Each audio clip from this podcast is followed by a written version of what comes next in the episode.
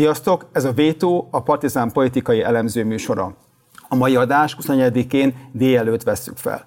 Az elmúlt két hét radikálisan más volt, mint az eddig a 14 éven megszokott események. Két hete lényegében a a megszokott politikai gépezet nem úgy működik, mint általában, az ellenzék talán egy kicsit magára talál, és az emberek kicsit kijöttek abból a fajta, na most majd itt fogunk élni állapotból, ami az elmúlt pár évre, főleg a 22. évi vereség utáni időszakra volt jellemző.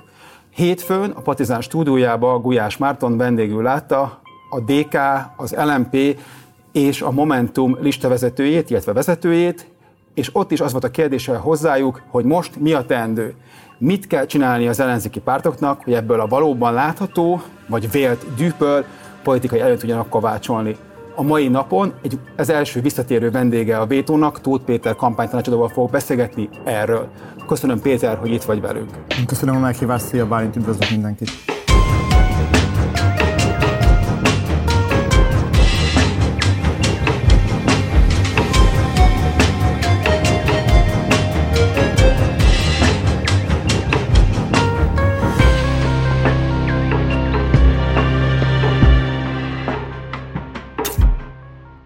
Szia Péter!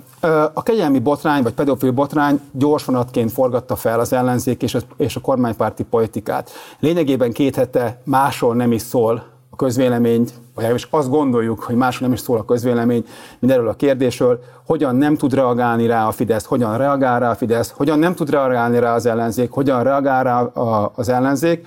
Az a kérdésem hozzád elsőként, hogy egy ilyen helyzet, és majd amikor meg fogunk nézni egy, be, egy bejátszót is, van a politikai szakzsargonban egy olyan kifejezés, hogy October Surprise, azért októberi meglepetés, azért, mert ugye az ellen, Amerikában az elnökválasztás novemberben uh, tartják, és azt avval élnek egy ilyen kifejezéssel, hogy októberben történik vagy olyan esemény, ami fenekestül fel tudja forgatni uh, a választásnak az addigi menetét, a kampánynak az addigi menetét. Nézzük meg erről egy bejátszót, és aztán beszéljünk erről, hogy vajon ez a mostani helyzet egy October Surprise, vagy októberi meglepetés, vagy valami egészen más. Az országos rendőrfőkapitányság közleménye szerint Horn Gyula személygépkocsia a szemközti sávból mintegy 1,6 métert igénybe véve nagy sebességgel, fékezés nélkül belerohant az ott műszaki hiba miatt leállított járműszerelvénybe. A hétfői ottrom után október 1 beszélt. Szerinte az a nap fontosabb lesz, mint egy önkormányzati választás. Orbán Viktor azt mondta, népszavazás lesz, ahol dönteni kell a szélhámosság és a felelősség között. Az emberek nem hajlandóak egy beteges, hazudozó, dilettáns csomagját elfogadni. Módszerük a botláson párhuzamba állítása a politikai teljesítménnyel, melynek egymáshoz az égvilágon semmi köze nincsen. Ha az a kérdés, hogy eh, valakinek, hogy az ott látható ügyek azok magánügyek-e, akkor szerintem mindannyian egyetértünk abban, hogy eh, ez magánügy. Talós István a választás előtt azonban már lemondásra szólította fel a győri polgármestert. Ez védhetetlen, vállalhatatlan és méltatlan. Ez az ember méltatlanná vált. Háborúra ébredt Európa, több ukrán nagyváros lakói szó szerint bombák becsapódásának hangjára riadtak kora reggel. Oroszország több irányból szárazföld és légitámadást indított Ukrajna ellen. Azt mondja nekünk a baloldal vezére, Gyurcsány Ferenc, hogy mi egy pocsék nemzet vagyunk. Ha nem küldünk katonákat, nem küldünk fegyvereket, ha nem veszünk részt ebben a háborúban, akkor mi egy pocsék nemzet vagyunk. Nagyon világosan meg kell üzennünk, hogy mi egy nagyszerű nemzet vagyunk. És ebben a háborúban is nagyszerűen állunk hely. Na, hát van itt minden Hongyulától Orbán Viktorik különböző időszakokban. Ha ránézel erre, mint kampány stratéga, az itt látótó emberek hogyan kezelték ezt a helyzetet? Ezek valóban október surprise voltak, októberi meglepetések voltak. Kicsit beszéljünk erről, aztán majd térjünk rá akkor a Novák ügyre. Jó, hát hogyha a retrospektíve nézzük, de ez nyilván akkor is látható volt, itt a legérdekesebb a 2006-os események és történések, és hát Orbán Viktor azt akkor úgy tudta kezelni, ahogy ezt egy ambiciózus politikusnak kezelnie kell. Ugye átkeresztezte azonnal az önkormányzati választást 2006-ra egy, egy népszavazássá, ami egy fontos tétel volt abban a tekintetben, hogy mobilizálni kellett a saját szavazótáborát, sőt, akár még növelni is, és pozíciókat kellett foglalni a Fidesznek. Ugye ne feledjük, itt 2006-ban az történt, hogy 2002-ben elvesztettek egy választást, már hogy Megyesi Péter legyőzte ugye Orbán Viktort az, az országgyűlési választásokon, majd utána 2002 őszén az akkori önkormányzati választásokon ma már kevesen emlékeznek rá, de úgy, ahogy ma narancsárgába borul az ország, akkor több pirosba borult, és gyakorlatilag az önkormányzati pozícióknak a jelentős része az a baloldali, balliberális oldal képviselőjéhez kapcsolódott. Ennek ellenére elkezdett 2002-ben építeni már egy hátországot Orbán Viktor magának, de ennek a hátország építésének egy jelentős lépése volt aztán később 2006 és az önkormányzatokba való szerepvállalás és a pozíciók megszerzése. Hm? És ezt azt hiszem, hogy megértette Orbán Viktor akkor, amikor, amikor népszavazásán húzta föl a 2006-os önkormányzati választást, és nem csak, hogy megértette, hanem utána élt is azzal a lehetőséggel, hogy annak, használta az, annak is használta az önkormányzatokat, amire, amire egy politikusnak nem szabad szégyellenie használni, hogy aztán 2010-ben a valódi országos hatalmat ö, megszerezze. A borkai mit gondolsz, és annak a kihasználásáról, hogyha ugyanilyen október surprise-ként nézzünk rá, hogy a választások előtt történt egy olyan eset, amikor egy a győri polgármesterről egy az adriai tengeren lévő videó. Ez tök érdekes, a borkai ugye érdekes volt, és téged sokszorosan ismételve, akkor válik valami politikai hibává, hogyha azt kihasználják. Ezt egy hosszabb távon kell nézni szerintem, mint egy egyszerű választási esemény. Ugye a borkai ügy nagyon későn jött a kampányban, egy másfél héttel a, a, a választás napja előtt, nehéz volt rá reagálni. Ez segített bizonyos helyeken az ellenzéknek megfordítani ö, ö, választási eredményeket és pozíciók megszerzését. Ugye utána 22 beáraszta, most a 2006-ot és 2019-et össze, összhangban hozzuk, akkor utána a 2022-es országgyűlési választás beáraszta, hogy ez mennyit ért ez a 19-es pozíciószerzés, és ennek lesz majd egy további lecsengése most 2024 nyarán, amikor meglátjuk, hogy mit, ért, mit értek ezzel a politikai hibával. A borkai ügy az kínos volt a Fidesznek, de hogyha visszaemlékszünk még rá, Borkai Zsolt Győrben megnyerte azt a választást, és azt követően mondott le. Fontos igen. Tehát ez egy fontos, de talán kezelhető dolog. Apró karcolásokkal jár a, a Fidesznek, de nem olyan mértékben a, a a, a, a teljes, a szív csakrájába ütött be, mint ez a mostani Novák ügy. Miért a Novák ügyre beszélünk? Ugye volt 22-ben, ugye most már most ez két éve, hogy a, az ukrán háború kitört. Ez is egyfajta átrajzolása volt az akkori Fidesz kampánynak, ugye, és ők, ahogy ők reagáltak rá, arra mit gondolsz? Az ellenzék hogyan reagált rá, illetve hogyan reagált rá akkor Orbán Viktor? Ez is egy ilyen meglepetés, vagy egy ilyen kampányt felülíró helyzet volt-e? Inkumbensként mindig előnyben van azért részben, aki mondjam, jelentéseket olvas, látja a különböző... Akár rosszul.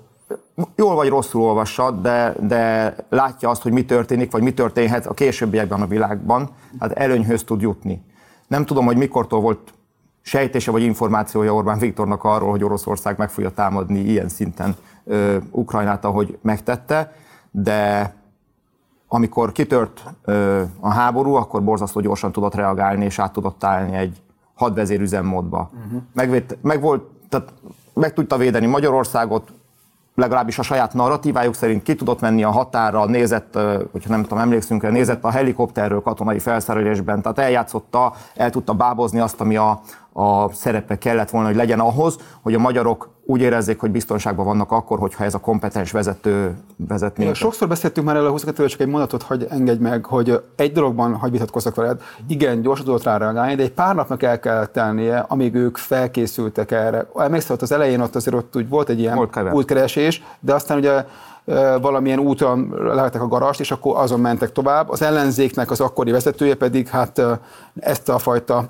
stratégiai nyugalmat, vagy ezt a fajta levegővételt nem tette meg, hanem úgy egyből úgy, mint hogyha egy, ahogy ő túl, akkor megszakadó volt, így ment be és mondta a saját maga. Fontos, amit mondasz, és fontos ez a dinamika is, meg hogy, meg hogy mennyi idő van reagálni valamire. Ugye ebben a mai világban és hogyha most 2024-re megyünk vissza, szerintem az a hat nap, amit a Fidesz és Orbán Viktor adott magának, az egy az ellenzéke által jól kezelt szituációban az egy rengeteg, az egy akkora idő, amit egy mhm. akkora nyitott ajtó, amit ki kell tudni használni, és azon be kell lépni. Szóval a hat napot nagyon nehéz várni. Ebből is látszódik az, az én felfogásom szerint, például a háborúhoz képest ez a mostani ügy, uh-huh. a Fidesz Fidesz ö, ö, tekintetében az egy sokkal súlyosabb ügy.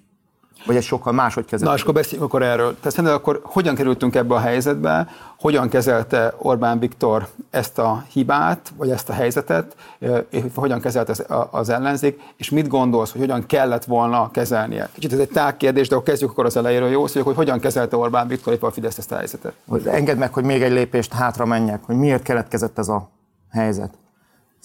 Tulajdonképpen azért keletkezett, mert az Orbán Viktornak a rendszere, amiben a kompetenciát, a lojalitás mindig le fogja győzni. Hm. És amikor... Ö, Ez mit jelent? Az, ki. az, hogy ha valaki megbízható káder, lojális, akkor elnézőbbek vagyunk ahhoz, hogyha valamihez kevesebb tapasztalata, kevesebb tudása, nagyobb hibázási lehetősége van, legalábbis elnézzük, amíg nem hibázik akkorát, ami már engem sért, vagy az én érdekeimet ö, sérti. És amikor egy ilyen rendszer épül ki, egyre ilyen kis gömböcként egyre nagyobbá válik, akkor abban mindig egyre nagyobb és radikálisabb hibák lesznek benne. Tehát azt ki kell mondani, hogy Novák Katalin köztársi elnökként is, bármennyire is szomorú ez a magyar nemzet vagy a magyar köztársaság szemszögéből nézve, ő Orbán Viktor köztársasági elnöke ebből a szempontból. És hogyha megnézzük Novák Katalin szerepét, és egyáltalán az egész pályafutását, akkor egy ilyen bármennyire próbálják átkeretezni az ő szerepét, és bármennyire próbálták sminkelni az elmúlt ö, években, azért ő egy ilyen viszonylag modernkori fideszes ö, politikus, akinek az alaptézise a pillanat uralása, tehát a mögöttes kérdések, vagy a, vagy a, mondjam, a, a tágabb ö, és messze menőbb ö, kérdések a világ vagy a nemzet tekintetében kevésbé érdekesek, hanem akár még a jövő feláldozásával is a politikai Instagram, Instagram figurává válik, és viszonylag kevesebb tapasztalattal került be ebbe a, ebbe a pozícióba, és megmondom őszintén, bocsánat, hogyha kicsit hevesebben fogalmazok a Novák Katalin kapcsán, de az a típusú mentegetés, amiben a Fidesz belekezdett már most is, és várhatóan a későbbiekben is ez fog történni, amikor lecsendesedik ez a botrány, az számomra egy ilyen undorító mosdatás. Tehát, hogy ebben a rendszerben, amiben Orbán Viktort kell kiszolgálni, ebben valójában nem politikusa, hanem másod, harmad, negyedrangú színészekre, meg színésznőkre van szükség. Erre degradálta le a politikusi szerepet gyakorlatilag Orbán Viktor kevés kivételtől eltekintve. Ne feledjük, hogy honnan indult Novák Katalin még politika előtti pályafutása, hogy 2010-ben azt tudta leírni, amikor még nem volt politikus, és most próbálok akkor idézni, mert kinéztem, hogy azóta ugye levett korábbi blogposztjából, hogy én hálás vagyok a sorsnak, hogy nem a kényszer üldözel itthonról, hogy nem kórházi ápolónőként vagy pedagógusként élünk röhelyes jövedelemből. Írta ezt a családjával. És ebből a karakterből kellett fölépíteni a családvédő, családokért mindent megtevő, a, az elesettekért, sám, elesettek mellé sámlira ülő anyaszerepet, amit én nem, tagadok, nem tagadok, hogy sikerült. Nekem is nagyon sok ismerősöm mondta azt, amikor Novák Katalint jelölte köztársasági elnöknek Orbán Viktor, hogy, hogy az egy jó döntés volt, és hogy majd lássam meg, hogy mennyire jó lesz. Ugye az idő most mást igazolt, de ugye sok Novák Katalin beszédet olvastam most az elmúlt napokban. A pápa látogatáskor már azok után, hogy megadta ezt a kegyelmi döntést, azt tudta mondani a pápát köszöntő üzenetében, és akkor megint idézem a Novák beszédet, Ma különösen oda kell figyelnünk a szükséget szenvedőkre, és nekünk magyaroknak a történelmünk ebben is adott csodálatos példát mutató szenteket. Később mondta, hogy Szent Erzsébet élete is igazolja, hogy a nők különös felelőssége rámutatni, jó kormányzás, irgalmasság, a kiszolgáltatottak iránti szolidaritás nélkül nem lehetséges. Ezt mondta napokkal azok után, hogy egy ilyen kegyelmi kérvényt ö, aláírt. És azt se felejtjük továbbá, hogy ha már a, a botrány kirobbanása utánról beszélünk, hogy mi volt az első reakciója, az első megszólalása. Az első megszólalásában azt tudta mondani, hogy minden kegyelmi ö, ö, ö, kérvénynek az elbírálása az a természeténél fogva megosztó. Hát ez az, ami neki három nap után belülről jött, három nappal az, azt megelőzően, hogy, hogy azt tudta mondani, hogy hogy lemond. És a lemondásról is beszéljünk egy szót. Miért mondott le? Azért mondott le, mert lebukott, és elküldte neki a Sejem Zsinort Orbán Viktor, aki az egyszemélyes főnöke. Őszintén szólva egy közepes érzelmi intelligencia, és bocsánat, nem, nem Orbán Viktornak van egyedül öt gyereke, nem Novák Katalinnak van egyedül három gyereke, én is három gyerekes édesapa vagyok, nem csak a Fidesz oldalán vannak szülők. Egy közepes érzelmi intelligenciával rendelkező szülő egy ilyen esetben, hogyha rájön arra, hogy mit tett, akkor neki egy őszinte megoldása tud lenni. Meghívni egy asztalhoz azokat, akiket megbántott, azokat az áldozatokat, meghallgatni, hogy mi történt velük az ő életükben, a szemükben nézni, és őszintén elnézést kérni tőlük. És majd utána nyilván lemondani, vagy már azt megelőzően. De hogy ezek, szóval, hogy, hogy, hogy, hogy hiány, tehát hogy, hogy ebből, ezeknek a hiányából, vagy ezeknek a meglétéből érzem én azt, hogy ez inkább a politikai színjáték része. Bocsánat, csak egy mondat, vagy kettő. Az egyik az, hogy ö, ö, nem csak szülőknek, hanem bárkinek szerintem ez a fel, itt, szerintem ebben itt nincs különbség, itt ez a, hogy kinek hány gyereke van. Ebben ez, egy, ez van az egyetlen egy Igen. járható út. A másik pedig az, hogy, és akkor itt kérdezem tőled szakmailag, a Fidesz hogy kezelte ezt a helyzetet, végigmenve akár, hogy te hogy látod, illetve az ellenzék hogy kezelte ezt, illetve hogy ha most ez így van ez a helyzet, és kicsit én úgy érzem itt most így a második hétnek a közepén, amit, amikor így, ez a dolog így, így ránk robbant, hogy már ez a robbanás már nem olyan erős, mint amilyen volt, hanem szépen lassan így kezd így, így elcsöndesedni, hogy hogyan lehet, szóval mi, mi ebből a tanulság, arra nézve, hogy hogyan lehet politikát vagy akár kampányt csinálni ebből a késből mind a két ö, szereplőnek. Arról ugye már beszéltünk, hogy, a, hogy volt egy hatnapos nyitott ajtó, uh-huh. amit ki kellett volna használni. Ami példátlanul hosszú, ugye? Abszolút vagy legalábbis egy ilyen típusú szituációban, ami ennyire éles politikai... Ö, Bocs, miért, miért hagy, hagy nyitva a hat napot Orbán Viktor vagy Rogán Antal? Mert őke, őket is nyilván váratlanul érte ez a dolog, vagy igen, vagy nem, de tételezzük fel, hogy váratlanul igen. érte, uh-huh. és, és hogy meg kellett találni azt a megoldást, mert hogy ez egy védhetetlen ügy, uh-huh. nincsen rá megoldás, ki kellett találni azt a mondást, Megmenthető a köztársasági elnök. Ugye stratégiai nyugalom, hogyha visszatérünk. Megmenthető a köztársasági elnök, ha igen, ha nem, be kellett jönni azoknak a méréseknek. Valószínűleg azért megtörténhetett az, amit soha nem fog kiderülni, hogy ebben a három-négy-öt napban visszanézték, kiboncolták a szálakat, hogy mi történt valójában ebben a kegyelmi ügyben. Ki beszélt, kivel, ki ajánlott, mit ajánlott, hol végigmentek rajta? Végigmentek a, a lépéseken. Ez előírás, nem? Hogy hát, kell csinálni? Tehát egy, itt van egy pedofil ö, ö, igazgató, és annak egy helyettes, akit, akit, föl, akit kegyelmet kapott, fölmentettek, de a pedofil igazgató, és egyébként a helyettese is, az egész ilyen válvölgyi, bicskei, felcsúti körben ö, egy, egy ismert figura, református a kegyelmet kapott ember, sportszerető, ö, a Fideszhez beágyazott olyannyira, hogy a, ha a választás.hu-ra bárki fölmegy, megnézheti, hogy 2002-ben a V. János egy olyan összefogás listáján volt Bicskén, amelynek a második helyén Tiborc István bátyja, Tiborc Péter szerepelt, és amely a Fidesz támogatásával akkor indult a, a választáson, és egyébként nyert is a saját önkormányzati egyéni választókerületében ez az ember. És magyarul, magyarul akkor a Fidesz ezt ilyenkor átnézi, átgondolja, hogy hogyan kapcsolódik hozzá, és ilyenkor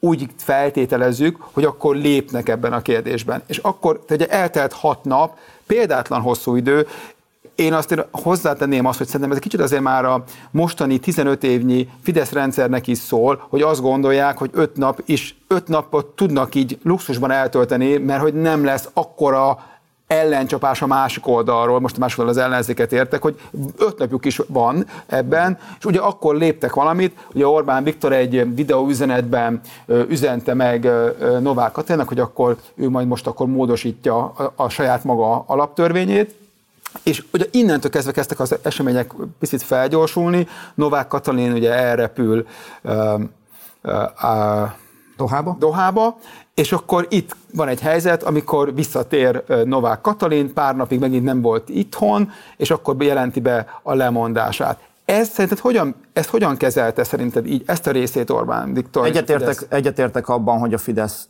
nagyon kényelmesnek érzi a helyzetét, hiszen nincsen olyan ellenzék, amelyik, amelyik 24 órán belül támadná, vagy azonnal megérezni a politikai vérszagot, amit egyébként Orbán Viktor. Szóval gondoljunk bele most visszamenőleg, aki még emlékszik rá, hogyha, hogyha olyan ellenzéke lett volna Gyurcsány Ferencnek 2006 ö, szeptemberében, hogy az összödi beszéd kiszivárgását követően hat napig nyugodtan gondolkozhatna rajta, hogy mit válaszoljon erre, milyen hmm. válasz legyen. Abban vissza kéne, nézzük végig, vagy emlékezzünk vissza, hogy mi történt a, bot, a, hogy mondjam, a válság kirobbanását követő hat napban akkor, és mi történt most ebben a tekintetben, ebben a szempontból. De Orbán Viktor megpróbálta lezárni ezt a, hmm. dolgot, eltávolítani magától, és ezt nyilván úgy is kellett, hogy egyértelművé vált, hogy radikális lépéseket kell megtenni, ami egy nagyon fájó és mondjam, erős sebeket is ejteni tudó ö, lépés, vagy megkart, ugye, és ő ebből abba, abba szeretett volna átmenni, hogy ez ne legyen több, mint egy ilyen kis karcolása az egész Orbáni rendszernek, meg és akkor, bocsánat, és akkor, és akkor lemond Novák Katalin, Orbán Viktor pedig ugye tartott egy évértékelő beszédet, közben volt egy másik szál, sőt másik két szál, ugye egyrészt volt Magyar Péternek a elhíresült itteni partizános interjúja, plusz ugye Balogh Zoltánnak a szerepének a firtatása, aki hosszú hát, tépelődés után, a, hát most ezt most idézőjelesen mondom, hmm. nem a püspökségről, hanem, a, hanem az egyháznak a vezetéséről mondott le eddig, és ugye Orbán Viktor meg a Fidesz ezen a szombaton lezárta a saját szempontjából ezt, a, ezt az ügyet. Vajon sikerült el lezárni, és hogyha e, ezután az ellenzék hogyan viselkedett ebben? Jó, ugye Magyar Péter meg Balogh Zoltán neve nem hangzott el, hogyha én jól emlékszem vissza Orbán Viktor évértékelő beszédében. Nem bizony így kezeli Orbán Viktor ezt a két embert. Egyébként az is érdekes, ugye Balogh Zoltán annak az, a, amíg püspökké nem, a zsinati vezetővé nem vált, addig azt, annak az alapítványnak volt a vezetője, amelyik Orbán Viktor évértékelőjét 20 évig uh-huh. szervezték, és hogyha visszaemlékszünk néhány évet, vagy visszanézzük, Orbán Viktor évértékelő beszéde előtt Balogh Zoltán ő volt mondotta fel... akkoriban felvezető beszédet, ö, és ő pedig mondjam, még megalázóbban, vagy még keményebben van, miután próbált ellenállni egy, egy napig még keményebben van ejtve, mint Novák Katalin, meg Varga Judit. Judit, mert ő egy picit még ellen próbál tartani, mert talán még nem érzi a, az ő helyét ebben a rendszerben, vagy máshogy érzi a helyét a rendszerben. És akkor térjünk rá szerintem is az ellenzékre, hogyha megengeded. Bocsánat, Igen. még, mielőtt még, tehát hogy Magyarul a Fidesz most azt gondolja, hogy, le kell, hogy, hogy végül is lezárta Orbán Viktor ezt a, ezt a szituációt, gondolom, ők megállás nélkül mérik és szondázzák a közvéleményt, és azt gondolják, hogy most jön a következő ö, fázis, csak hogy mi is játszunk el ebben a gondolattal, ami arról szól, hogy egyrészt ugye elmondta Orbán, hogy lesz egy gyermekvédelmi, újabb gyermekvédelmi törvényjavaslat, ami, ami majd még szigorúbb lesz és még, még keményebb lesz. Egyrészt, kettő pedig a napokban meg fogja ö, ö, mondani, hogy jelölni, hogy ki lesz az új közösségi elnök, és minden megy, a NATO csatlakozását megszavazza Svédország, és minden megy a maga útján tovább. Na most, és akkor ebbe hogy a Bocsánat, ez? ehhez annyi van még szerintem, ami még egy kommunikációs technika a politikában szerintem. Ugye van ez az ügy, nyilván most ez a téma, erről van szó, ez kínos a Fidesznek átpróbálja keretezni magát a gyermekvédelmi kérdést is. Erről már ti is itt ebben a stúdióban is sokat beszéltetek, hogy hogy próbálja meg, hogy hogy fogja össze kínos helyzetbe hozni az ellenzéket, hogy a gyermekvédelmi törvénybe hogy fogja összemosni és mivel. De szerintem van még egy dolog, ami szükséges a Fidesznek, hogy ugye a gyermekvédelmet, mint kérdést a következő három-négy hónapban ezen a gyermekvédelmi törvényen keresztül neki meg kell fontolnia, hogy levegye a témájáról a napirendről, mert van neki másik témája, van másik témája is a Fidesznek, ami ugyanilyen fontos, ugye a béke kérdése, a migráció kérdése, a no, no migration. Tehát, hogyha, hogyha tud konstruálni a politikai propagandagépezet, újra tud konstruálni egy külső ellenséget, amitől a egyszeri választó, aki, aki a, a napjait érni és a békét keresi, le tudja fedni ezt az egész kérdést. Tehát egy absztrakt kérdését tudja tenni az egész gyermekvédelem, meg a köztársasági elnök személye, meg az egész még a gyermekvédelmi kérdést is, hogy ha az van, hogy most bejönnek-e a migránsok és megtámadnak -e minket. Akkor, ha jöttem, akkor te azt mondod, vagy azt gondolod, hogy erre fognak váltani, vagy erre válthatnak Na. rá, hogy akkor lapozzunk egy másik témára át, ami, ami, amit jobban tudunk ilyen szempontból kontrollálni, vagy birtokolni, mert kevésbé vagyunk benne hát érintettek. Ezt mondod? Én azt gondolom, igen, hogy ha nem tudom, hogy mennyire lehet ez fantazmagória, de hogy van egy olyan most egy stratégiailag... Lehető, le, van egy olyan lehetősége is a Fidesznek, hogy újra előveszi 2015-höz hasonlóan a migrációs kérdést, és azt tolja, és ugye ehhez ö, az eszközei is megvannak. Jó, beszéljük az ellenzékről. Ők mit csináltak? Ők hogyan használták ki, vagy hogyan lehetett volna kihasználni? Az ellenzéki pártok számlájára lehet írni pozitívan, hogy valamit éreztek abból, hogy ez fontos uh-huh. ügy. Tehát valamit cselekedtek. Mm, azt már nem merem állítani, hogy az ügy súlyának mért, súlyához mérten cselekedtek, és hogy megértették gyorsan azt, hogy ez mekkora súlyú ügy a Fidesz szemszögéből, meg a Fidesz választópolgárainak a szemszögéből, hogy ez az elmúlt 14 évnek a legnagyobb csapása, ami a Fidesz identitás jelenti, ugye, és akkor itt most szerintem beszéljünk egy picit narratíva harcról, hogyha megint hátrébb lépünk, hogy mi a, mi a valós narratíva a Fidesz és az ellenzéki tábor között? Hm? Ugye mind a két tábor ö, jó és a rossz csatájába próbálja begyalulni a másikat, de úgy, hogy nincs eldöntve senkinél, hogy ki a jó és a rossz, hogy ki nem tudom, Voldemort halálfalója, és ki a nem tudom, Dumbledore serege, és hogy, hogy hol vagyunk. Mind a, mind a két tábor el tudja hitetni a saját nagyobb vagy kisebb tá- ö, ö, bázisával, hogy mi vagyunk a jók, és te vagy a rossz. Most egy ilyen ügyben ez karcolódik meg. Itt eltolódik az irány abban, hogy mi ha rossz oldalon vagyunk, akkor mi, lehet, hogy mi vagyunk a halálfalok. Ö, és, hogy a, és hogy a másik a, a jó. Ezt kellett volna fölhangosítani és fölerősíteni szerintem az, az ellenzéknek. Először is föl kellett volna mérni az ügy fontosságát azonnal, ahogy kijött ez az ügy. Szóval azt a hétvégét, hogyha van valamilyen titkos szignálcsoport a, a pártelnökök és pártvezetők között, akkor erről kellett volna beszélgetni, hogy ez mennyire fontos, hogy, a, hogy ebben a narratíva harcban milyen lehetőséget jelent és milyen veszélyt jelent ez a Fideszre? Hogy kit és mit lehet támadni? Hogy Orbánt kell támadni, hiszen az Orbán rendszere, Orbán köztársaság elnöke, Orbán kormánya, vagy Novák Katalin? Lehet, hogy Novákot, tehát azt, azt könnyen lehetett látni, és ez nem egy ilyen retrospektív visszaemlékezés, hogy, hogy ebben, hogyha ez meg van építve vagy támadva van, akkor ez védhet, annyira védhetetlen, hogy le fog kelleni mondani a Novák Katalinnak. Ez azon a hétvégén már, amikor kijött a, a botrány, ez szerintem ez látszódott, még hogyha, még hogyha nem is ö, beszéltünk ö, róla. Ugye ez egy teljesen egyértelmű üzenet, a pedofilmentő, Fidesz a pedofilmentő köztársasági elnökkel, és ugye ez nem az első ügy a Fideszen belül. Ott van a a Nemzeti Földügyi Központ vezetője, aki tudom, Orbán Viktor osztálytársa volt, és akit eltávolítottak a pozíciójából, és hogy a hírek szerint őt is ezzel a típusú bűncselekménnyel vádolják, bár még ítélet nincs, de ott a Kaletta úgy, ott volt a, a, a Fideszes alpolgármester Budapesten, 17. kerületben, a, tehát hogy ezek, ezek így megépülnek ebben a rendszerben, szóval ez nem egy ilyen egyedi kérdés miért, a, e, ö, miért, miért, mi, volt, mi a kommunikációs üzenet, hogy ezeket hogy tudjuk egymásra építeni, és hogyha értjük azt, hogy ez mekkora ügy, akkor ahhoz képest mérjük visszamenőleg, hogy mik történtek, hogy az egyik pár, hogy nem összefogottan dolgozott az egész ellenzék, hanem az egyik az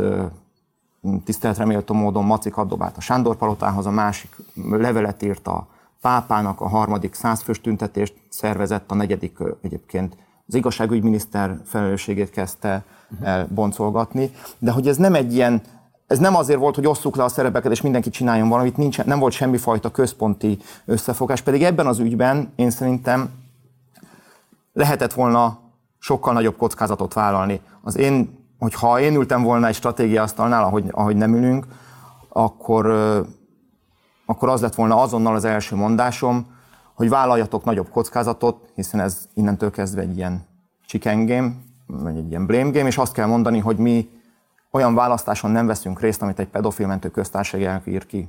És ezzel, húz, ezzel lett volna érdemes, én azt gondolom, fölhúzni azt, hogy magamhoz vegyem az irányítást Novák Katalin szerepét illetően, hogy le kell -e mondani, vagy sem. A mai narratívában én szerintem teljesen egyértelmű az, hogy Novák Katalin lemondását nem az ellenzék erőszakolta ki, hanem Orbán Viktor váltotta le. De hogyha van egy ilyen típusú ö, bevonzása vagy mondása az ellenzéknek, hogy mi most itt ebben, ez egy vörös vonal, és itt ez no és akkor kockázatot vállalunk, és nem indulunk olyan választáson, amit egy pedofil mentő köztársaság elnök ír ki, akkor máshogy épült volna. Miért nem narratív. ez történt szerinted? Szóval, hogy hogy, hogy kell ezt elképzelni, amikor jön egy ilyen ügy, ugye megkapja, mindenki elolvassa a hírekbe, a politika csinálók, vagy akik a pártokban dolgoznak, hogyan reagálnak ilyenkor szerinted, hogy nem az van, hogy, hogy közösen együtt, és abban a fajta nem tudom, tudás, ami együtt megvan, vagy meg lehetne, hanem mindenki elkezdi a saját maga ilyen pecsenyéjét sütni. Nem azért van, bocsánat, ez az én véleményem most nem a kérdésben van, mert hogy ők ilyenkor is igazából egymással versenyeznek, hogy, hogy ez egy egymással való versenynek a része, és nem az, hogy akár kicsit hosszabb távon gondolkodva komolyabb ütéseket lehetett volna bevinni így a Fidesznek. De te, te is így látod? Abszolút egyetértek, és erre utaltam akkor, amikor arról beszéltem, hogy azokat a cselekvéseket, amiket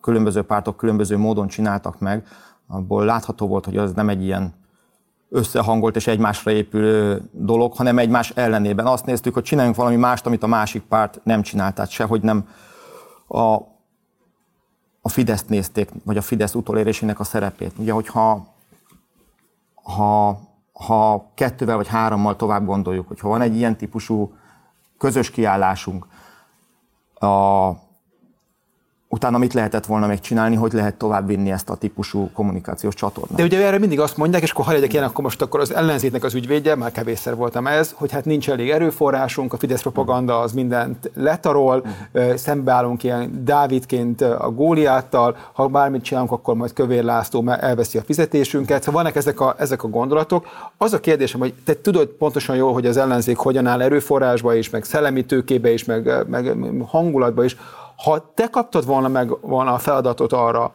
hogy felhívtél ezen három-négy pártelnök, hogy akkor Péter, akkor mondd, hogy mit csináljunk, te mit csináltál volna ezekben a napokban? Ja, rövid beszélgetés lett volna, mert hiszen az érdekeikkel szemben javasoltam volna, mert ahogy te is elmondod, az ő érdekeik azok azok, hogy hogy tudnak a kiskakasok lenni a szemétdombon. De miért van ez szerinted?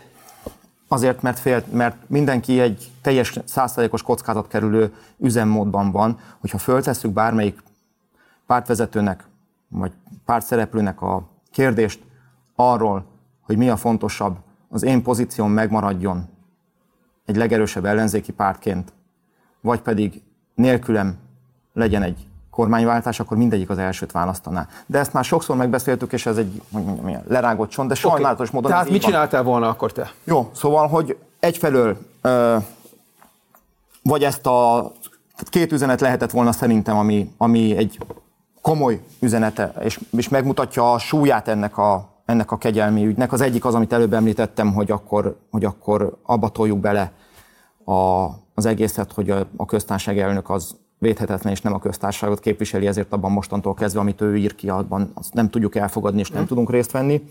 Vagy pedig egy olyan hátralépést javasoltam volna az, az EP, egy olyan közös EP listát javasoltam volna, amelyikben a mostani EP képviselők és a különböző pártok EP képviselői vissza tudnak lépni, és egy szimbolikus, ilyen single issue ö, ö, EP listát, amiben mondjuk, ha a fantáziám nagyon elmegy, akkor fölhívom és megkeresem bizonyos pedofilia áldozatait, akik egyébként már sok többször ö, szerepeltek is médiában, akik ezt fölvállalták, akik, akik áldozatként itt, a, akik csak szerepeltek már, nem, nem csak a Bicskei ügyben, a, hanem már korábban is ugye volt a Pető Attila, Hodász András, most neveket mondok csak, de ugye, szóval megkerestem volna, és kerestem volna, hogy egy ilyen szimbolikus, ember, szimbolikus figurákat ráteszek egy, bocsánat a figura kifejezésért, szóval szimbolikus embereket teszek föl, mondjuk egy olyan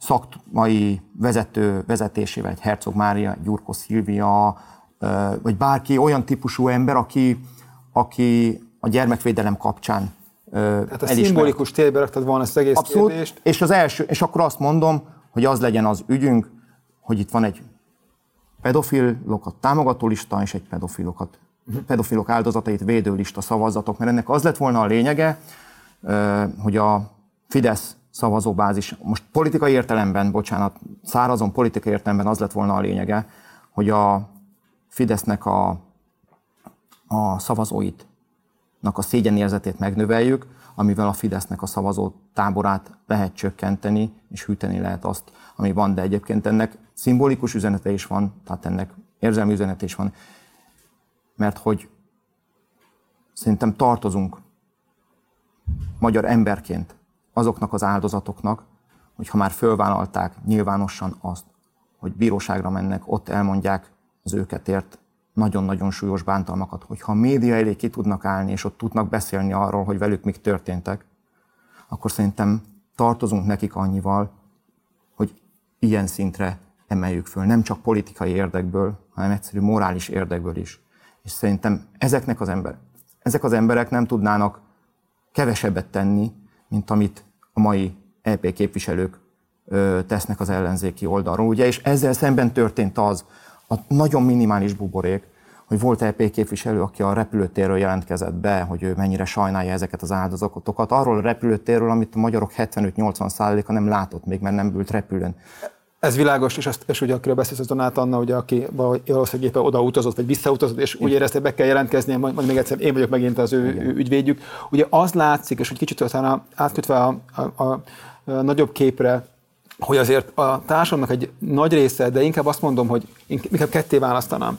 A Fidesz szavazók nagy része nem érti, hogy mi történik, és nincsen meg nekik az a, még mindig az a mankó, amivel a vasárnapi ebéd aztán lehetne arról beszélgetni, hogy akkor most éppen hogyan tudjuk felmenteni ebben Novák Katalint, vagy akár Orbán Viktort. Ebbe az ellenzék ugye szinte semmifajta mondással, vagy semmifajta gondolata nem nincsen feléjük.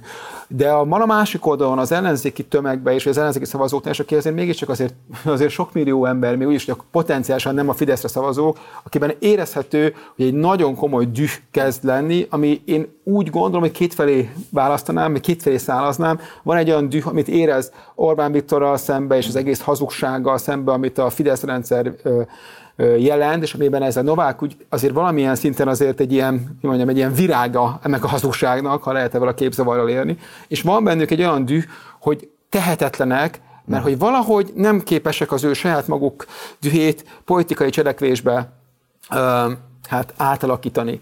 És itt jelentkeztek be ebbe az űrbe, ami szerintem a a maga, magukra hagyattásban, illetve a, hát ugye nem foglalkozásban, abban az űrben, amit, amit teremtődött, itt jelentkeztek be az úgynevezett influencerek, akik ilyen politikai cselekvésbe kezdtek, vagy kényszerültek, én inkább ebből a kifejezéssel éljek, és ők rendezték meg ugye előző hét péntekre egy olyan tüntetést, ami én azért nem dimenzionálnám túl, mert azért, hogy mondjam, én kicsit hűtem a kedélyeket mindig ebben, ezzel elnézést kérek attól, aki mindig azt várja, hogy akkor a forradalom már ki fog törni, de mégis, hogy hatalmas nagy tömeg gyűlt össze, nem pártok által megszervezve, egy olyan tömeg, amit már régen látott Budapest, ahol is voltak beszédek, amik kicsit, kicsit valamelyik politikai volt, valamelyik kevésbé, de hogy elvégeztek egy olyan munkát, helye, a politikusok helyett, amit nekik kellett volna elvégezni, és sajnos az történt, hogy kicsit, hogyha most, hogy, hogy azóta nem történik igazából semmi.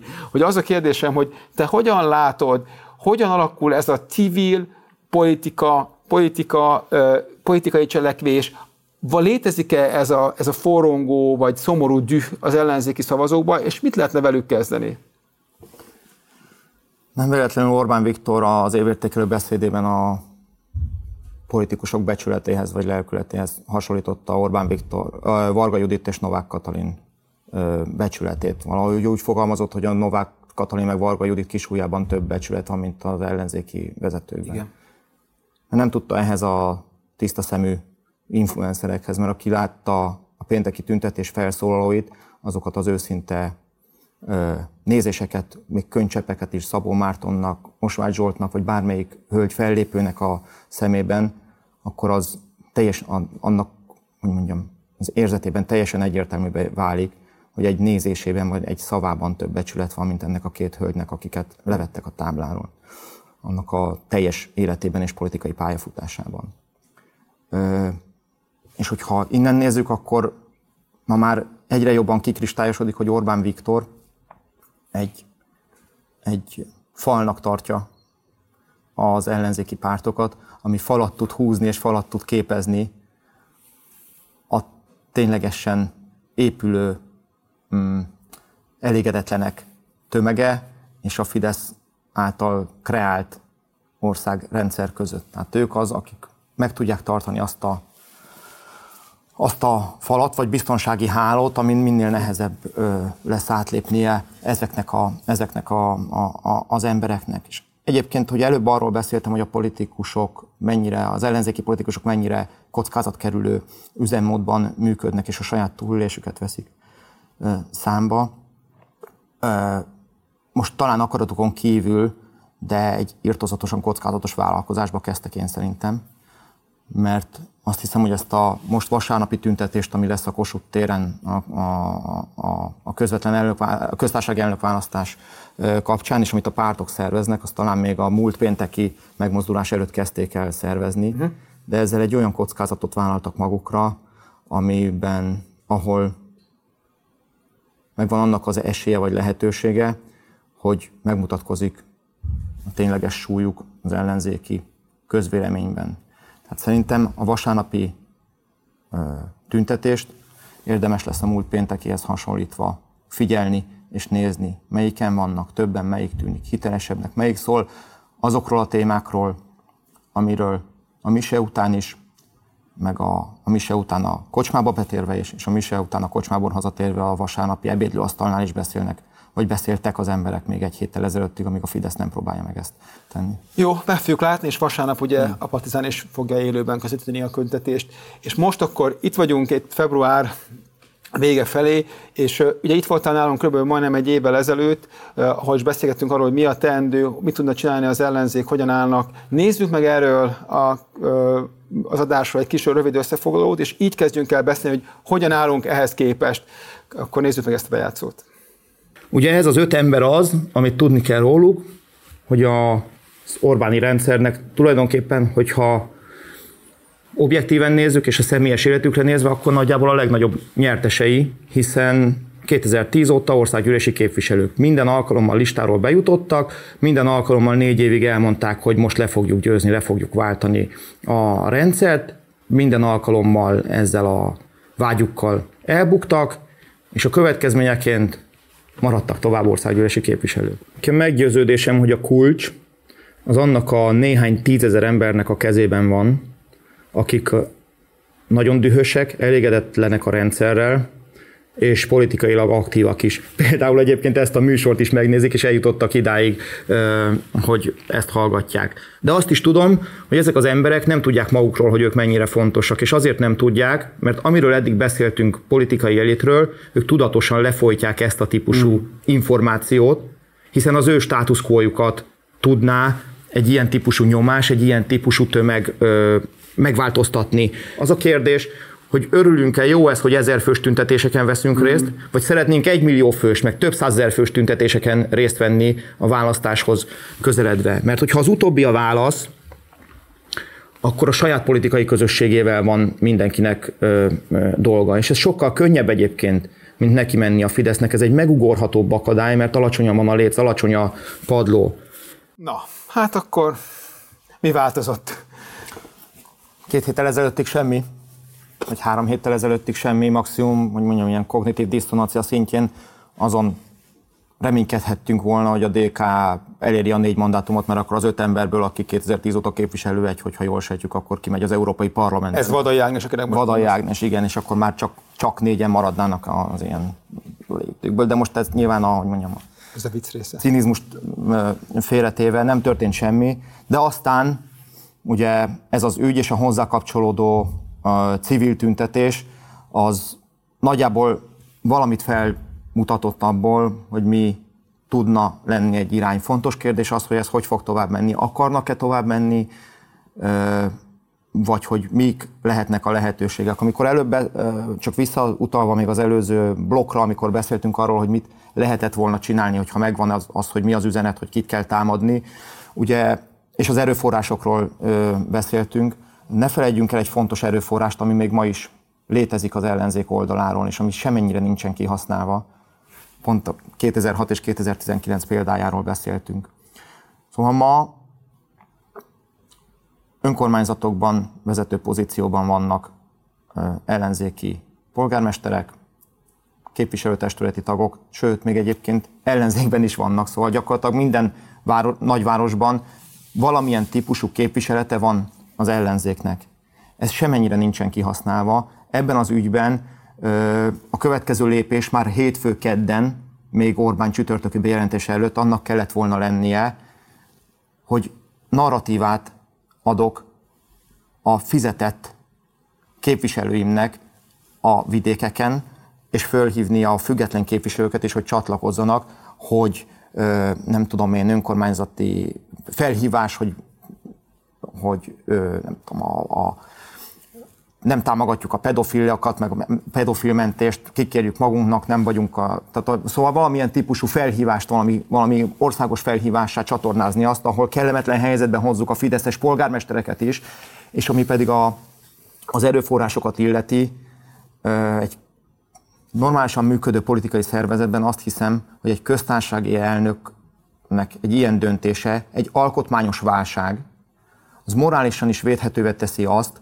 hogyha kerületi médiában, nagyvárosi, megyei jogú városi médiákban ez uralja a címlapokat és a közbeszédet, mert az a típusú polgármesteri fölfogás, hogy én bekerültem a pozícióban, mostantól kezdve én csak egy burokban élek, és csak ezeket a az embereket képviselem, akik itt vannak. Ez nem létezik, mert azok az ellenzéki szavazók, akik rászavaztak, azok nem százszerékban nagyon fontos, és nyilván nagyon nagy részében az érdekli őket, hogy tiszta legyen az út, hogy föl legyen szedve a járda, de van egy bizonyos része az ő gondolatiságuknak is, ami, amit érdekel az ország sorsa, és ez teljesen ki van hagyva. Én megnéztem a, a, a különböző kerületi és megyei jogú városoknak a, a lapjait február 10-től kezdődően, amik, amik megjelentek és amik föllelhetőek, hát elszomorító.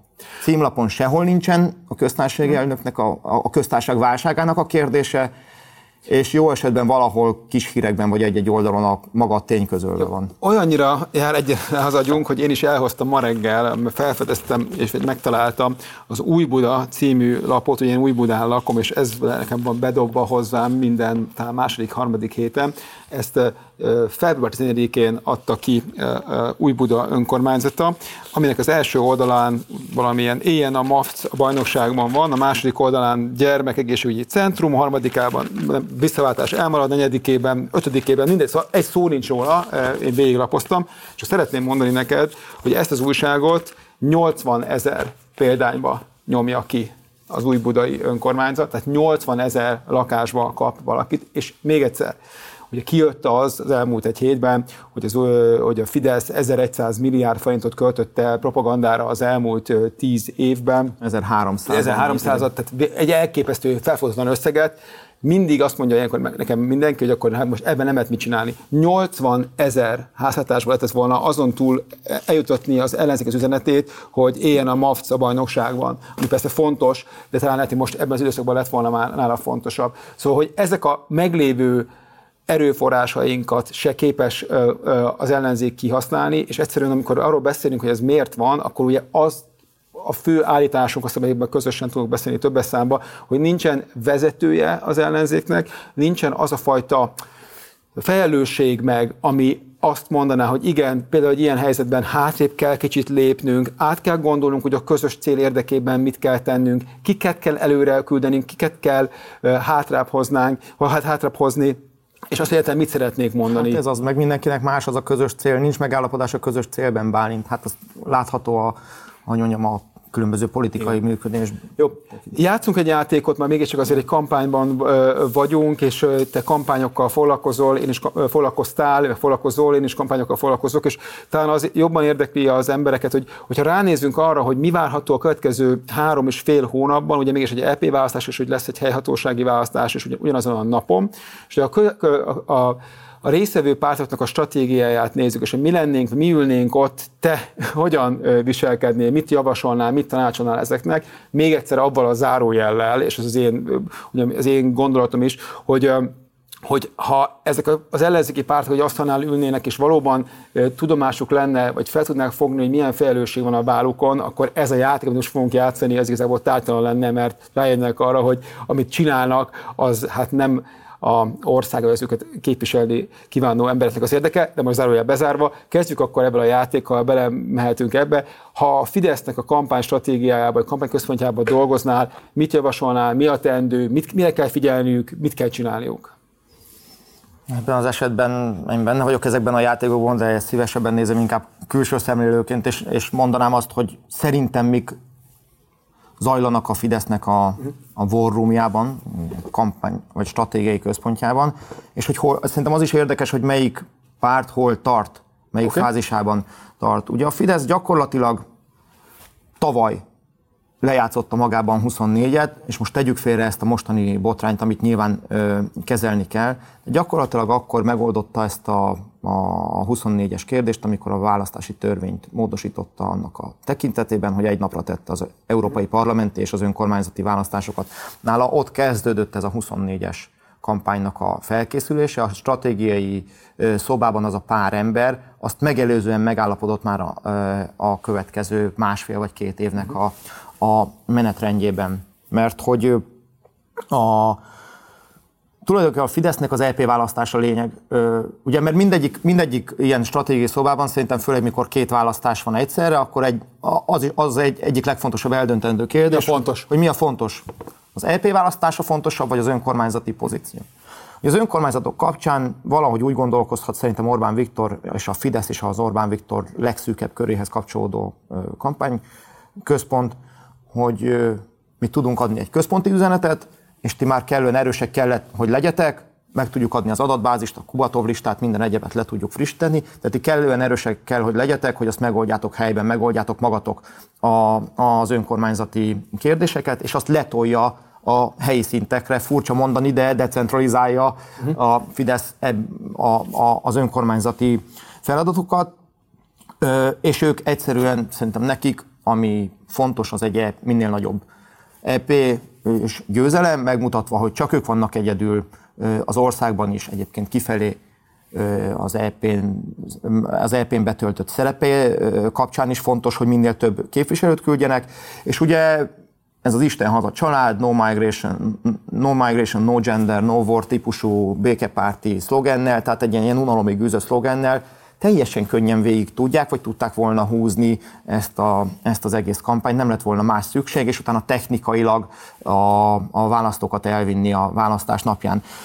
Köszönöm, hogy betettétek ezt a táblázatot, mert szerintem ez egy fontos tábla, és amikor Bódi Matyi volt itt nálatok, akkor mm, is láttam. Választási földrajz szakértői. Választási földrajz szakértői, igen. Mit kell ezen látni, és miért fontos a Fidesz szempontjából?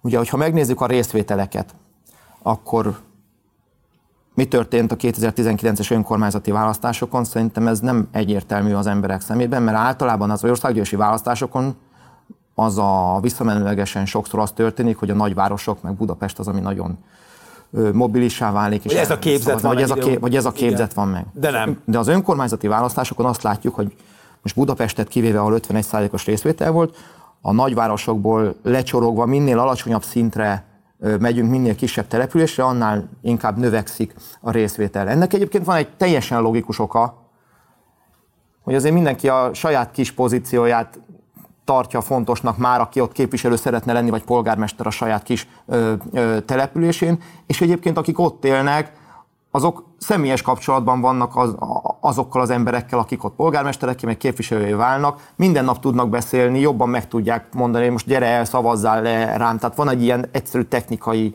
oka is, de ez azért fontos, mert hiszen pontosan tudjuk, hogy a Fidesznek hol vannak a szavazói, mm. és hogyha egy önkormányzati részvételen húzzák fölfelé a részvételt minél alacsonyabb szint, vagy minél alacsonyabb lakosság számú településeken, akkor az automatikusan a Fidesz EP listájának is a mobilizációját elősegíti, és hogy itt van egy másik kérdés, amit a Fidesz nagyon könnyen megoldott, hogy, és amivel viszont az ellenzék szerintem komoly bajban lesz, és megoldást kell rá találnia, hogy lesz egy ilyen, hogy, hogy amikor majd bemennek júniusban a, választá, a, a, a választási ö, terembe ahol szavaznak az állampolgárok, ott majd sorba fognak állni, és fognak kapni egy csomó lapot, négyet, ötöt, hatot, és a tetején valószínűleg ott lesz egy orientációs lap, ami az EP választásnak a lapja. Itt van az a logó, jó napot kívánok, alatta ott van a másik logó, a harmadik, negyedik, tovább. negyedik logó, mindegyiknél, ja ezt, ja, ezt kell csak húzni, igen, tudjuk. És ugye az egyszerű meg a bonyolult között mindig azért az egyszerűbbet könnyebb teljesíteni. Péter, a Fidesz szempontjából ennél a választásnál mi a győzelem és mi a relatív vereség szerinted? Össze, összevonva a kettőt, az LP-t és az, és az, és az, a, az önkormányzati választást is. Mi számokra a győzelem, és mi számokra mondjuk... Az LP választáson biztos, hogy 50 fölé szeretnének kerülni. Uh-huh. A mandátum számokban, vagy, vagy, a, vagy a szavazatszámokban? Is. Vagy is? Aha. Is, én szerintem. Erre érdemes figyelni. És önkormányzati szinten pedig ö, szerintem kezelhető, de kudarcként lehet megélni, hogyha további pozíciókat veszítenek 19-hez képest. Tehát, hogyha nem tudják megtartani a pozíciót. Világos, és annyival kiegészítettek én, hogy minden megyei jogú, minden megyei listán legyenek 50%-on, ahogy ugye voltak 19-ben is. Szerinted okulva 19-ből mennyire akarják visszaszerezni, vagy, vagy megtartani a megyei jogú városokat a Fidesz központban? Mit gondolsz róla, hogy nekik ez jó-e, ahogy most van a, a, a helyzet, hogy az ellenzék pislákol valahol, de, de nem tud igazából rendszerbe rendeződni. Rossznak nem rossz, hiszen ezt 22 beáraszta, és meg bebizonyította, hogy így is tudnak együtt élni, sőt, ugye aki kormányzó pozícióba kerül, ott automatikusan jönnek elő azok a konfliktusok, ugye, amik egyébként láthatók is, hogyha nincs egy központilag kemény kézzel vezetett pártszervezet, pártstruktúra, és ezt sok helyen ö, láthatjuk is, és ez a típusú inkompetencia, vagy a kormányzó képességnek a nem felmutatása, az még egyébként segíti is a... Nekem ez ugye régi mondatom, és sokszor mondtam már itt is el, hogy ö, szerintem 19-ben ők vereségként élték ezt meg, de aztán egy két hét múlva eljöttek arra, hogy igazából ez teljesen jó. Oké, okay, menjünk tovább. A Momentumról mit gondolsz? A Momentum stratégiái mire gondolnak? Hogyan, mit kéne csinálniuk? Mit csinálnak? Szóval a Momentum nagyon nagy bajban van. Az egyik legnagyobb bajban van, és ez tulajdonképpen a születés történetükhöz visszavezethető, vagy a olimpia utáni időszakhoz visszavezethető, mert ott nekik egy döntési pontjuk volt a olimpia után, hogy ők egy komoly országos néppártá akarnak-e válni, vagy pedig egy ilyen médiapártá, amit nem tudom, egy ilyen liberális, ilyen belpesti pártá, és ők ez utóbbi úton indultak el a cselekvéseikkel, és ebbe mentek bele 18-ban, 19-ben, 22-ben, és ez viszont egy ilyen lejtőn indította el őket, és hogy ez odáig vezetett, hogy a generációjú föllázadt ellene. Újra mondom, lásd azt a tüntetést, amit az, influ, az a, a, a, a civilek mm, szerveztek, vagy azok az influencerek, akik fölálltak, hiszen ezek egy, egy generációba tartozóak. Olyannyira, hogy, és, hogy Dédina ugye a Momentumból lépett ki. Így, tagja volt. És ugye itt a generációs kérdés megépül ugyanaz, amiről beszélek, hogy hol vannak a tiszta és jó emberek, és hol vannak az önérdekérvényesítő emberek. És valószínűleg az az érzet tud keltődni a generációban, hogy inkább a pártokban és pozícióban lévők azok, akik inkább az önérdekeiket érvényesítik, és akik tisztán kiállnak valamilyen ügy értékében, azok azok, akik valami hosszabb távú jót akarnak az országnak. Mit hát csinálnál, hát, mit csinálnál a hely, a hely, hogyha megkérdeznek, mit kéne csinálni? Tehát, hogy mi, mi az útjuk, vagy hogy lehet ezt javítani, ezt egyébként tényleg valóban nem annyira jó pozíciót, ami most vannak? Ugye a három, három és fél hónap tekintetében két út van nyilván, vagy már hogy ebben a rövid időszakban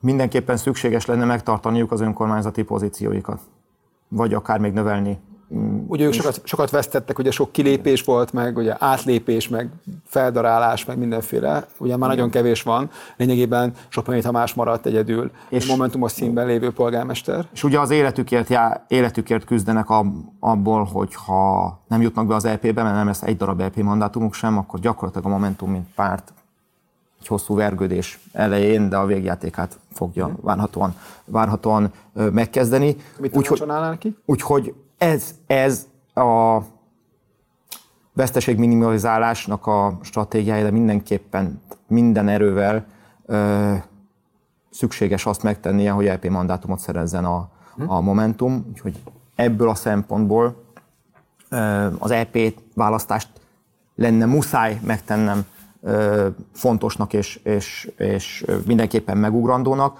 és el, kéne kezd, és el kellene kezdenem keresni, hogy hogy tudom én ezt a generációt behúzni magam alá, és ne az MKKP legyen ez, és ehhez is valószínűleg azt a stratégiai döntést kellene meghozni, hogy a mostani EP képviselők, akik vágyják a további munkájukat az EP-ben, vissza tudjanak lépni, és ezáltal gesztus gyakoroljanak e felé a civil társadalom felé, hogy mondjuk hát ez már, hogy... behúznak, behúznak egy olyan listát. Igen, de most azt kérdezed, hogy én mit tenni, mert ugye, mert ugye valahol ennek a civil világnak és a politikai világnak össze fog kelleni találkoznia. Most egy olyan sakjátékot játszunk, amiben a végjáték kezdődött meg bizonyos szempontból. Ez egy hossz, nem, én nem azt mondom, hogy ez egy-két hónap alatt, vagy egy-két év alatt fog lezajlani, de tulajdonképpen egy hosszú játéknak az utolsó szerintem éveit játsszuk. Már ez, és, és itt most csak az ellenzékről beszélek, világos, a Fidesz rendszeréről világos, beszélek.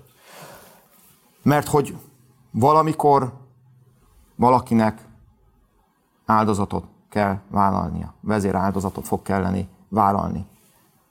Mert a civilek látható, hogy nekik megvan az egyértelmű iránymutatásuk, hogy nem tudják vállalni a közösséget. De most nem csak a civilekről beszélek, mert itt szerintem milliós nagyságrendű választói bázisról is beszélek. Bocsánat, hogy nem, nem, nem, nem szeretném leszűkíteni 10, 9 szervezőre, vagy 100 ezer, vagy 150 ezer aktívan tüntetésen résztvevőre, mert itt egy milliós táborról beszélünk. És ugye itt az a kérdés, hogy ki az, aki, felül, aki nagyobb felelősséggel bír. Hivatásos politikus, vagy az országért tenni akaró jó szándékú ember. És ez teljesen egyértelmű képlet, hogy itt valamikor majd a hivatásos politikusnak kell gesztust gyakorolnia. Hát ez neked egyértelmű, ők nekem biztos, hogy ebben vannak, de ha már itt a hivatásos politikusokról beszélünk, hogyha a DK hogyan áll ebben a, ebben a politikai helyzetben, róluk mit gondolsz? Ők hogyan állnak ebbe a versenybe, különös tekintettel abba, hogy ugye Gyurcsány Ferenc ebbe a stúdióban, nem ebbe, hanem itt a mellettünk lévőben mondta, hogy hogy fog állni majd a, a DK egy évvel később, ugye ez egy évvel ezelőtt volt, meghatározó domináns párt lesz 20% fölötti teljesítménnyel, ajánlattal és komoly társadalmi bázissal, ez szerinted hogyan néz ki most, illetve hogy neki mi lehet a célja, mi az ő politikai krédója ebbe a választásban?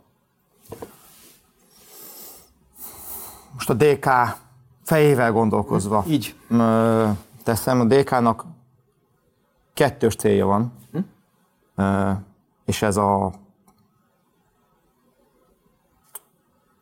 és ez a DK-t is minősíti, hogy erről beszélgetünk itt, és valószínűleg ez így is van, mert hogy ők technikai értelemben, vagy abban a nyersesség értelmében a leginkább közel vannak a Fideszhez. Tehát ők azok, akik technikailag kezelik a politikát, hatalom technikailag, a hatalom a pozíció megszerzésében, tehát hogyha mondjuk... Egy, pártként működnek? Pártként, oké, okay, de mégiscsak szóval, hogy kevés mögötte az a típusú mm, országért érzett felelősség, mm, ami...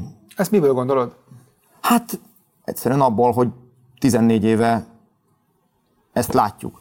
Hogy amikor elmegy, vagy azt halljuk, meg ezt tapasztaljuk is, hogy amikor elmegy tárgyalni egy DK-s delegáció, akkor biztos, hogy nem a, nem tudom, az, a ország jövőjének a sorsa, hanem a pozícióknak a kiosztásának a száma az, ami a problémákat okozza egy, egy megállapodásban. De a DK-nak, szóval visszatérve a DK-nak kettős a feladata a tekintetben, hogy gyalulnia kell bármilyen csúnyán is. Domináns párt Gyalulna, gyalulnia kell az összes többi pártot, a DK akkor lenne a legboldogabb, hogyha 22-es összefogás pártjai közül egyedülként jutna be az, egyedülként érni el az 5%-ot és jutna be az EP-be, mert akkor elő tudná adni azt a szerepet, hogy ezen a párt struktúrán belül én vagyok az egyedüli, mindenki jöjjön körém, és el tudná kezdeni ezt a ezt a, a, a, a, centralizációt. Mint az ellenzék vezető pártja. Mint az, mint az ellenzéki pártoknak a vezető pártja. Igen, bocsáss meg, hogy ezt így vitakozom bele, de ugye az ő szempontjukból, amikor Gyurcsány Ferenc nézi a saját eredményeit, akkor ő azt látja,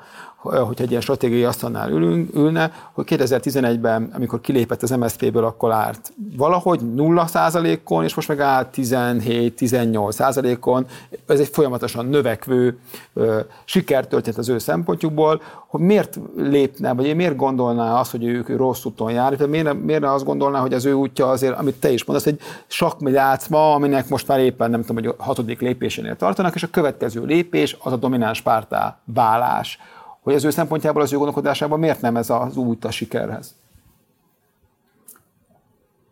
Ha engem kérdezel, akkor azért, mert ennek több akadálya is van, például biológia és mert hogyha ilyen ütemben halad, akkor mondjuk 132 éves korára lesz az, hogy körülbelül a, a, a, eléri azt, hogy a fidesz szemben egy, egy uh-huh. többséget tud szerezni.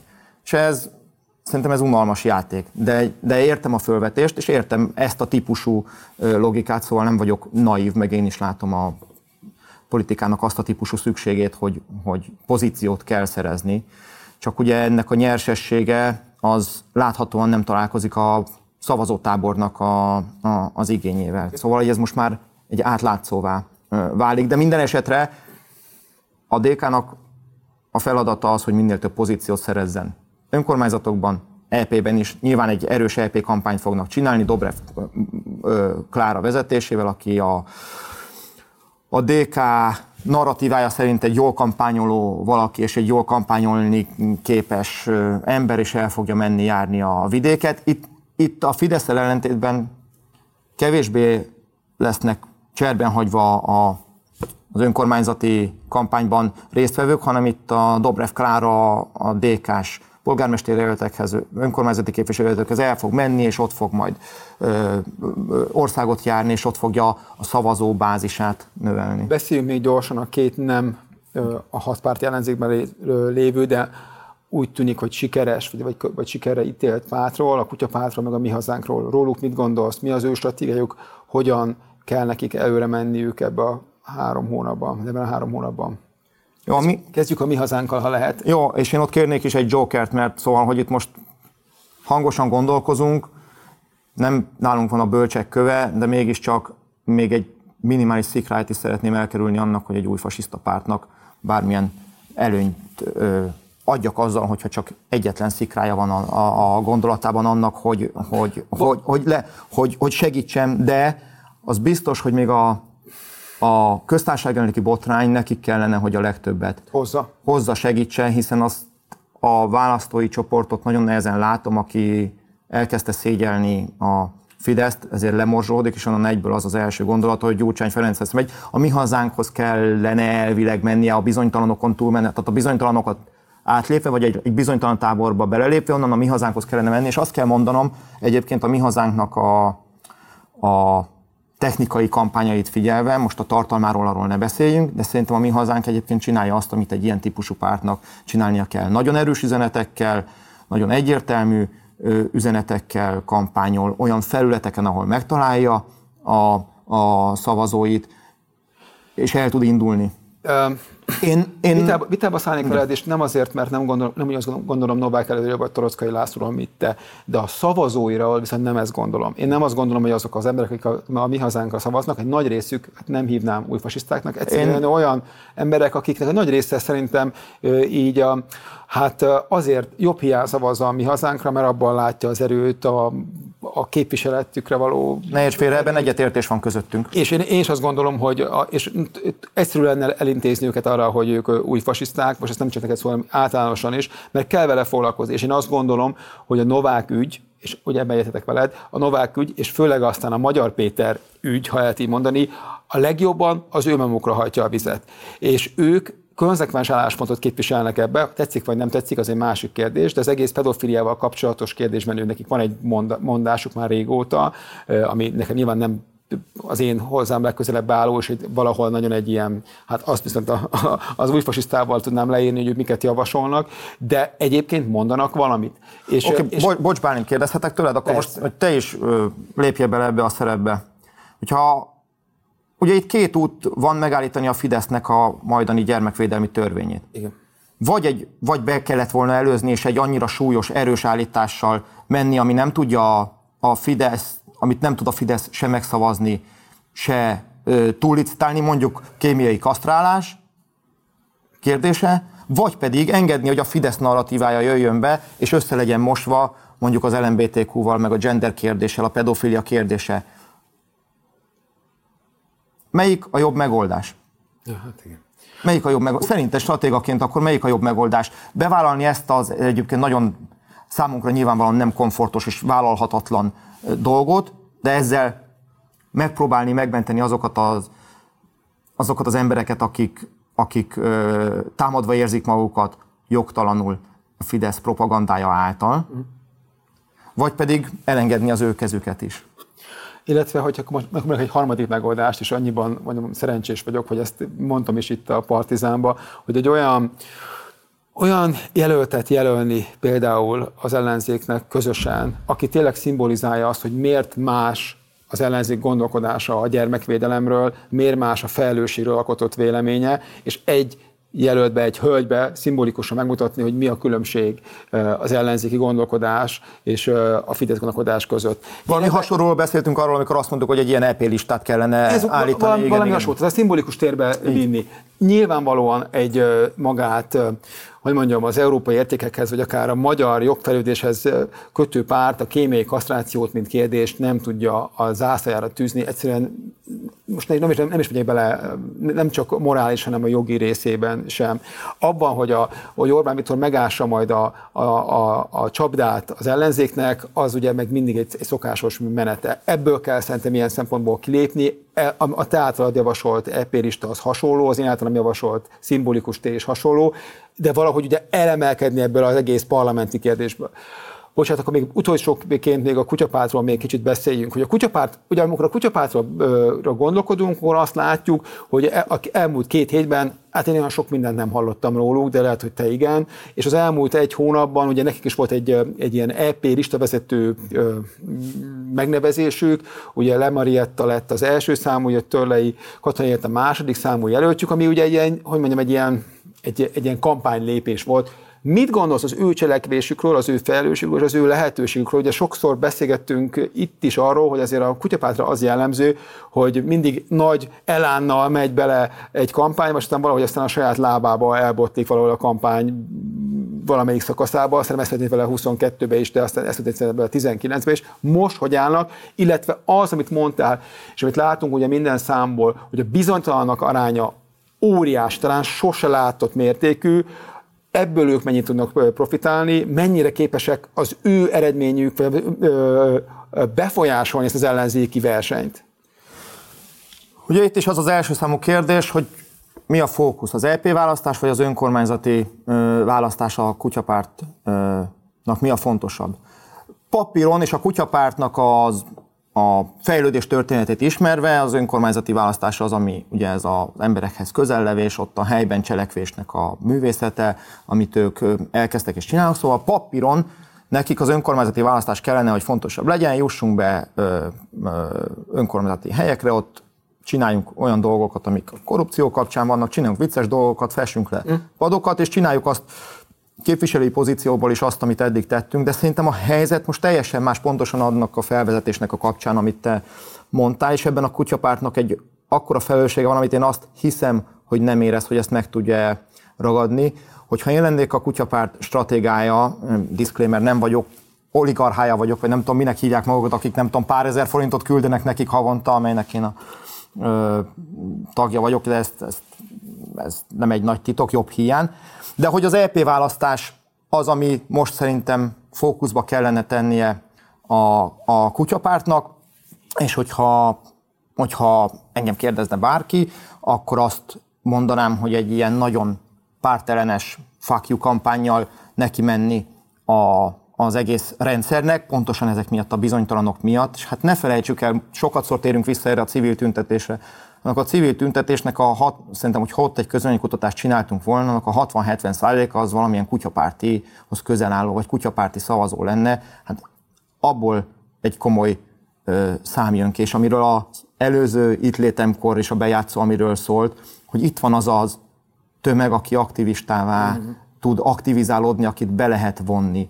És ugye a kutyapártnak egy másik strat, hogy mondjam, tartalmi kérdésben is kellett egy döntést hoznia, hogyha jól értem, hogy ők megmaradnak egy ilyen vicces pártnak, és azt erősítik, vagy pedig elkezdenek komoly pártoskodni. És én úgy látom, hogy ők abba a komoly pártoskodási irányba mennek, lesznek önkormányzati képviselőink, azokat akkor tud, azok tudnak azért pénzt kapni, és akkor majd csinálunk komoly dolgokat, miközben szerintem tökre lehetett volna máshogy is, mert hogy, a, mert hogy azok a bizonytalanok, azok valószínűleg jobb hiány már kínjukban is röhögnek, és egy szelep nekik az, hogyha valami viccesebbre veszük egyfelől, egy, nyilván egy ilyen mindenkinek bemutatós kampány, de másrésztről, ami nekem minden, ugye a kutyapártnak a másik nagy örök kérdése, hogy hogy jut le a szavazói szintre, mert nyilván ez egy, egy nagyvárosi párt, hogy hogy tud elmenni vidékre, de ugye volt egy, szerintem, hogy a kutyapártról nagyjából egy dolog jut, vagy kettő dolog jut mindenkinek eszébe, az ingyen sör. Mm.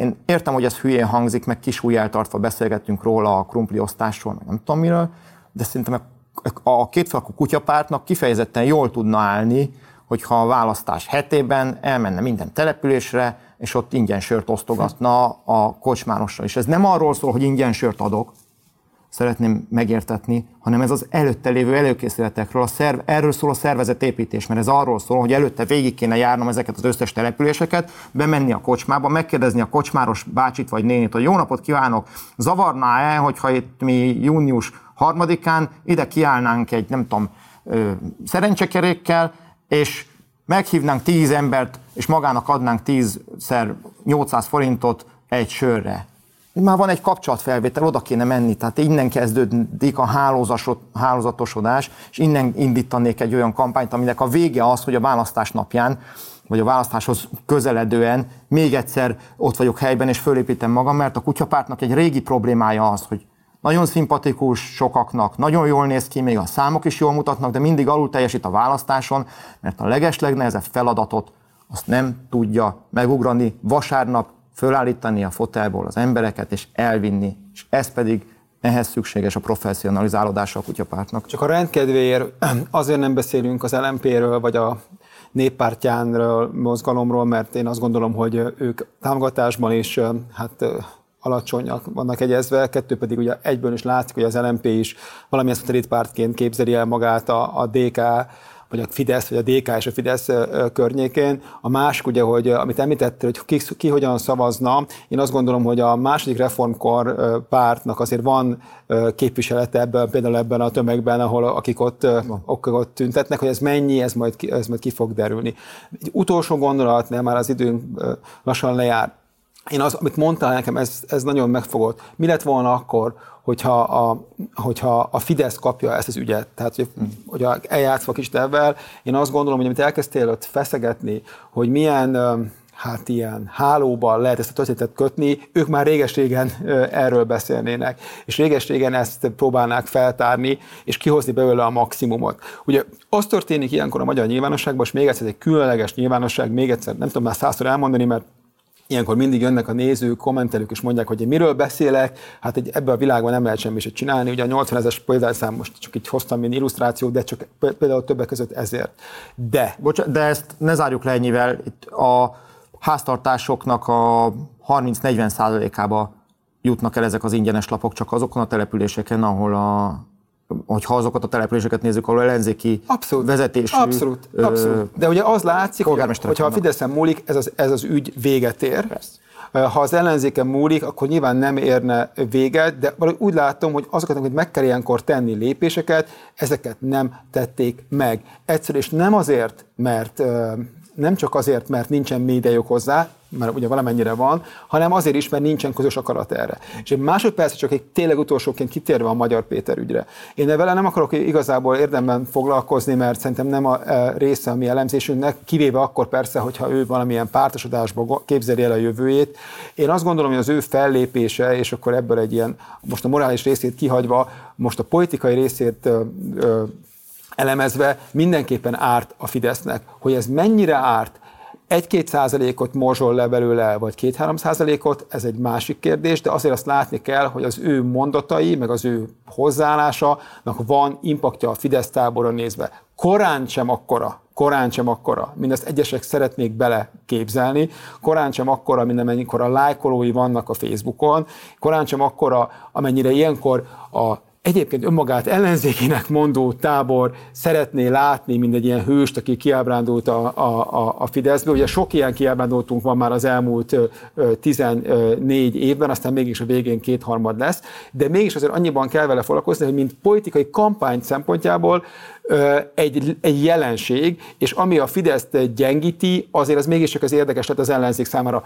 Pár mondatban mit gondolsz a Magyar Péter jelenségről? Van-e neki kampány értéke ebben a három hónapban, ami most előttünk van?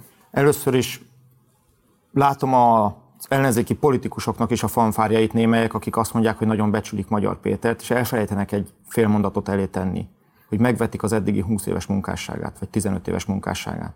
Szerintem ez egy fontos tétel, akárhogy is most, és hogy nem tudjuk az igazi történetét, hogy mi ebben a bátorság, vagy mi nem bátorság. De én nem tartom annyira a Fideszre nézve veszélyesnek, mert pontosan a propaganda, meg az a megépülő narratíva, amit a Fidesz tábornak el fognak tudni adni Magyar Péter kapcsán, azt szerintem fogja tudni hitelteleníteni annyira, hogy betolják ebbe az ellenzéki szerepkörbe. De azért itt ebben, a, hogyha az elmúlt tíz évet látjuk, azért itt már volt a Fideszből kiábrándult, volt miniszter, volt államtitkár, volt ö, legjobb barát. Nav, navos nem, ez, alkalmazott, voltak önkormányzati képviselők, volt legjobb barát és pénzcsap, tehát ezek funkcióban és pozícióban lévő emberek voltak, kormánytagok voltak, Pálinkás József az első Orbán kormánytagjaként, Ángyán József. Tehát itt voltak olyan kormánytagok, akik nagyon keményen neki mentek a későbbi Fidesz rendszereknek. A, én azt gondolnám, hogy az nagyon nagy az lenne az nagyon nagy probléma a Fidesz működésére nézve, hogyha egy kormánytag férje vagy felesége rendelkezne olyan információval, ami ártani, ami komolyan ártani tud, vagy szóval ami komolyan meg tudja bontani én, a Fideszt. Én nem azt gondolom, hogy az információ azok ilyen földrengető, vagy ilyen simicska féle atombombák, bár lehet, hogy a végén el fogunk elmenni. Én azt gondolom, hogy nagyon sok ember ez a dolog eljutott, és olyan uh-huh. Fidesz szavazókhoz, akik egyébként hithű Orbánisták, és azt a fajta érzetet erősítik, hogy valami azért nincs rendben a, a, a rendszerrel, a tiborcok, mészárosok világában, hogy ez annyira elége, hogy csak van egy ilyen belső erjedés, vagy egy belső morgás, vagy egy szelep kieresztés, hmm. vagy, egy ilyen, vagy, egy, vagy egy ilyen beszélgetésnek az elindítása, ezt nem tudom. De mindenképpen azt gondolom, hogy van hatása. A nagyságát, és erre mindenkit mondani, a nagyságát azért nagyon-nagyon-nagyon csökkenteném, és aki ebben látja az elkövetkező forradalomnak az új szereplőjét, abban azért úgy, hogy mondjam, nekem van azért kétségem, de minden esetre az látszik, hogy ebben a három hónapban ő azért a Fidesznek okozhat nem is óriási, de azért kis gondokat. Egyelőre nem látom azt, hogy olyan kényszerhelyzet alakulna, hogy mondjuk Orbán Viktornak Rogán Antalt is le kelljen vennie a terepről egy nap alatt úgy, ahogy Novák Katalint vagy Varga Juditot vette. A mostani, az eddigi mozgásokból inkább látom azt, hogy egyel nő a kiábrándult fideszesek tábora, és akkor alakul tovább egy ilyen Márkizaj, Magyar Péter, Pálinkás József féle valamilyen típusú ö, lista, amit már megszoktunk, és 2022-ben is mm, ismertünk, megmondtunk, de nyilván ezt nem tudjuk, hogy merre vezet ez, az, ez a Magyar Péter irány. Köszönöm Péter, hogy itt voltál velünk. Ez volt a Vétó 20. jubileumi adása. A jövő héten csütörtökön Szikla Dorottyával fogunk beszélgetni a Fidesz kormány szociálpolitikájáról, illetve támogatási rendszeréről. Arra próbálok választ kapni, hogy miért a legszegényebb településeken a legerősebb a Fidesz. Ha tetszett az adás, kérlek, iratkozzatok fel a Partizán YouTube csatornájára, illetve kövessétek a Vétó podcast csatornáját is. Ha van hozzánk bármi kérdésetek, írjatok mailt a vétókukacpartizánmedia.hu mail címre. Köszönöm, hogy velünk voltatok!